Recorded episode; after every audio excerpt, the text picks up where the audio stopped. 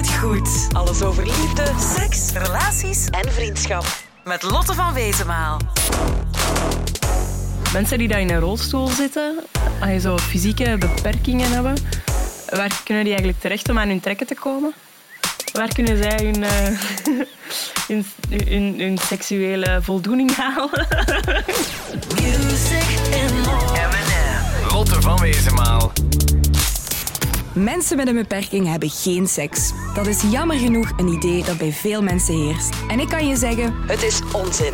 het is niet omdat je een fysieke beperking hebt of omdat je in een rolstoel zit dat jij niet kan of mag genieten van seks. Toch is het voor jou misschien niet altijd even gemakkelijk om seksualiteit te beleven. Je ervaart misschien wat lichamelijke ongemakken, fysieke beperkingen of je vindt misschien niet zo gemakkelijk een lief. Maar hey, moeilijk gaat ook. En wie weet kan jij zelfs nog wel meer genieten van seks dan iemand anders. Hoe je dat kan doen, vertel ik je graag.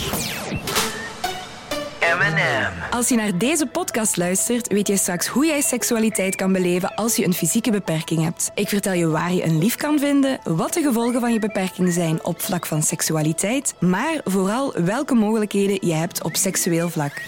Waar kan ik een lief vinden? Als je een fysieke beperking hebt, is het soms moeilijker om een lief te vinden. Je netwerk is misschien wat kleiner, omdat je in een speciale voorziening leeft, of je ouders zijn misschien heel erg beschermend, waardoor het minder gemakkelijk is om nieuwe mensen te leren kennen. Geen paniek. Je kan een lief vinden net zoals elk ander persoon. Op school, in je dagelijks leven, in de sportclub, in een jeugdbeweging of op vakantie. Maar ook via het internet kan je een lief zoeken. Er bestaat zelfs een speciale netwerksite, dotti.be, voor mensen met een beperking. Deze website brengt je in contact met nieuwe mensen. En stel dat je geen lief hebt of vindt, maar je wilt toch seksualiteit beleven, dan zijn er nog andere mogelijkheden. Daar vertel ik je zo meteen wat meer over. Nu eerst wat meer over de effecten van je beperking op je seksualiteit.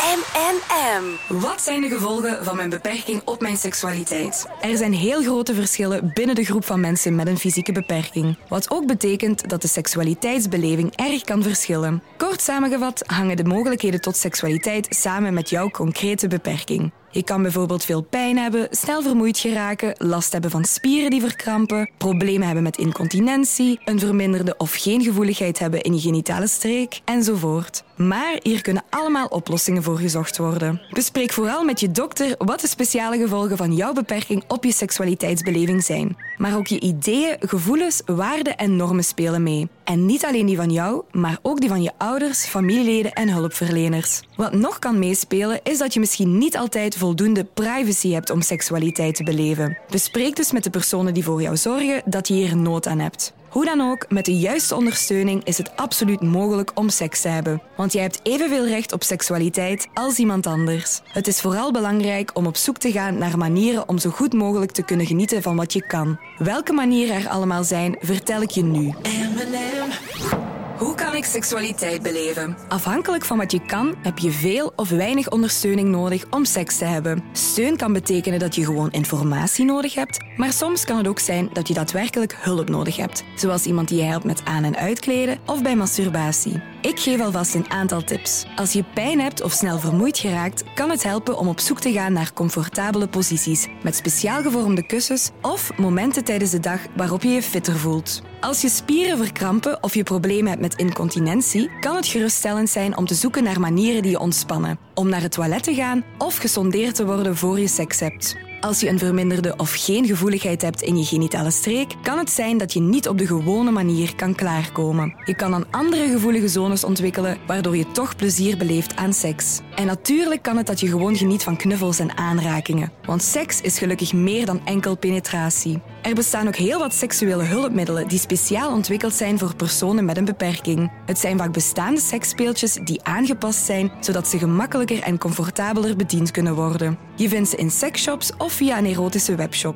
Met deze seksspeeltjes kan je je seksleven nog prettiger maken, kan je je lustgevoelens opwekken of kan je gemakkelijker tot een orgasme komen.